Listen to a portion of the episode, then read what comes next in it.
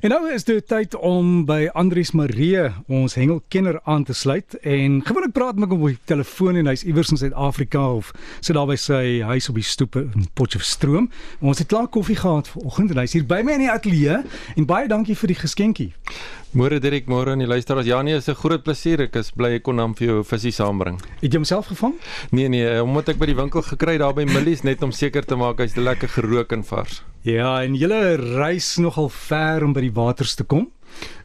Hoeveel Ja. hoeveel kilometers het jy nou gery om hier te kom om te kom hengel hier in die Laagveld? Ja, Dirk, ek het van Potchefstroom af gery dan na Leidenburg toe of Massising dink ek noem hulle dit nou deesdae.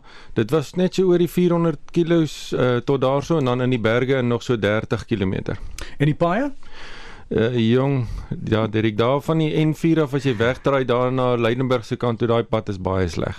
So Ja. ons het daar baie stadig moes ry. Die die teerpad het grondpad geword, so dit is nie so lekker nie. Maar julle het iets ingebou in julle hengelprogram om dit te oorkom want veral in die aand, vroegoggend of as dit reën, is dit is dit baie gevaarlik om op sulke paaie te ry.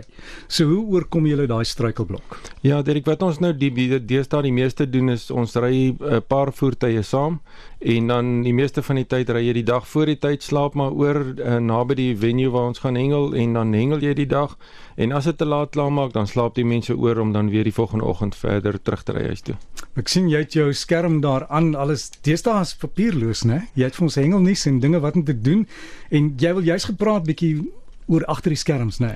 Ja, Dirk, wat gebeur is, jy weet ons vertel altyd van vangste en so aan, maar ons vertel nie mooi die storie van hengel nie. Nou die storie van hengel begin al by die huis.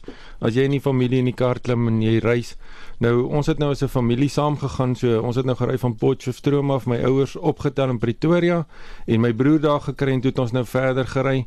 So 2 ure uit Pretoria uit het ons gestop en so ietsie geëet daar en lekker gekuier en toe is ons die laaste deel te gery tot daar by Leidenburg en dan nou in die berge in.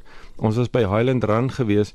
So toe nou daar aankom is dit nou die aard van die saak eers afpak en so aan en uh, net na die afpakkery is dit nou lyne nat maak tyd want die son is op pad om te sak en die manne moet gaan proe en kyk of die visse daar is.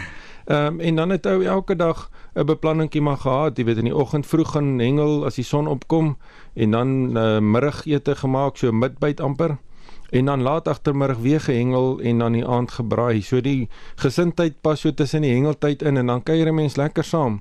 En hengel is nie net altyd oor die visse nie, dit gaan oor die natuur ook. En ons het nou die naweek bevoorreg gewees om baie wild te kon sien ook. My broer het luiperds gesien en ons het kudu's gesien en so bosbokke en varkies. So So, so jy julle hengel tussen die wild. ja, dit was in 'n natuurreservaat, so die twee forelplase Rivendell en Highland Run is in 'n reservaat uh, waar dan nou nie gejag word nie. So dis baie lekker om daar in die wild te kan wees. So terwyl jy die lyne dophou, wie kyk na jou rug? dis nou juist die probleem. Ons het maar omgedraai en weggeloop daar waar die luiperds rond was, ja.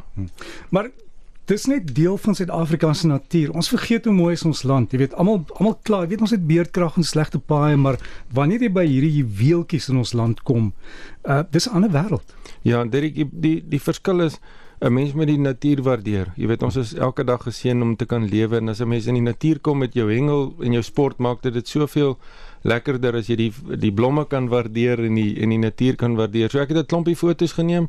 Ek gaan hulle nou nou laai op die Breakfast Facebook bladsy en dan sal die luisteraars kan sien as 'n mens net bietjie rondom jou kyk en die lewe waardeer. Ek dink dan gaan daar 'n groot venster vir 'n mens oop. Ek sien een van my nuggies het op haar Facebook uh geplaas dat hulle is op die see hulle het gaan hengel. Ek het nooit eers geweet sy hou van hengel nie. maar toe het hulle 'n paar grootes gevang, maar sy sy het ook gesê dat sy het so 'n bietjie groen geword aan die begin.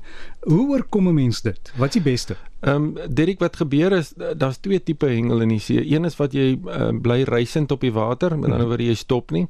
Dan word 'n mens nie gemaklik uh, of gewoonlik siek nie as die boot bly ry, maar sodra die boot stil staan en jy anker of so, dan begin die see se skommel 'n mens vang. So daar's net een van twee maniere is of jy moet pille drink voor die tyd uh, of daar's sulke bandjies wat jy ook kan dra om om te help met die seesiek maar partymal help dit nie dan moet jy maar deur die proses gaan Ehm um, en as jou maggees leeg is, dan gaan dit naderhand beter. Jy kan 'n bietjie gaan lê op die boot, ehm um, of op die dek plat lê en dan voel 'n mens naderhand 'n bietjie beter, ja. En as as jy die jy moenie die visse met verkeerde kos voer nie, né?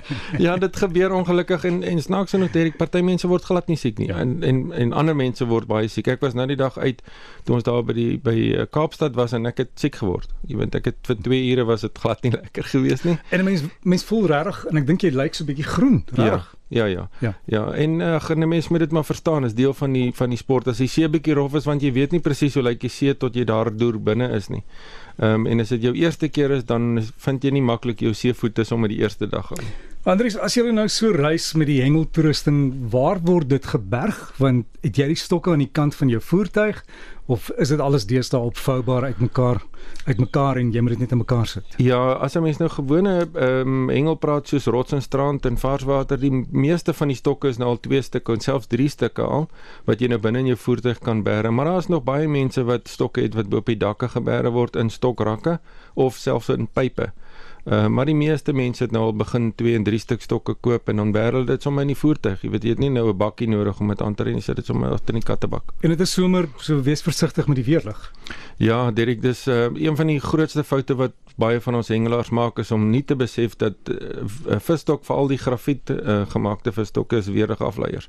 Jy gaan verseker seer kry en selfs het ons gevind as die winde hoog waai, daai ehm um, statiese elektrisiteit tel jy ook op jou visstok op. Hy kan jou seer seer skok, ja. Verseker. So jy moet jy moet regtig versigtig wees. Ja. En 'n ander versoek ook ons kry baie is moenie mors by die hengelwater nie. Mense het 'n neiging om jy tel jou goed met die ou langs jou doen dit nie en en vertrek net. Gooi dit maar 'n sakkie saam jou, né? Ja, Derek, jy weet wat sleg is is die mense besef nie dat hy by buite stukkie lyn af en hy gooi hom net daar neer. Jy weet die lyn besoedel ook. Dit vat baie jare voordat die lyn deur die son vernietig word. So daar kom 'n voeltjie verby, sny sy voetjie af as gevolg van daai vislyn. So ons moet maar regtig daarna kyk. En dan jou nuwejaarswense want jy het vir ons 'n uh, nuwejaarsboodskap gestuur. Ek het dit op die Breakfast Facebookblad geplaas. En jy's in die hengelwater, dit raas. Ek in die water oor waar was dit? Dis by die Spekboom rivier daar by Highland Rand waar ons gehengel het. So ons het so 'n bietjie forelle gevang daar, ja. So as jy wil sien hoe lyk Andries, gaan kyk uh, op ons Breakfast Facebookblad en jy gaan nou daai foto's ook vir ons laai net. Ja ja, pragtige foto's van die forelle wat ons vrygelaat het. Um, ek het nie self gehou nie. Ek hou daarvan om hulle terug te sit in die water. So daar's mooi foto's van dit Erik, regtig mooi. Laastens 'n uh, paar nuwejaars uh, wense in die hengelbedryf. Ja, Derek, jy weet die voorreg om aan die sport deel te neem, uh, jy weet elke persoon wat dit doen, moet dit aangryp en geniet. Jy weet die jaar lê vir ons voor en party doen dit kompeterend en ander mense doen dit net sosiaal en saam met die familie en elkeen moet dit net die geniet en die natuur respekteer en mag die Here jou seën in die jaar wat voorlê.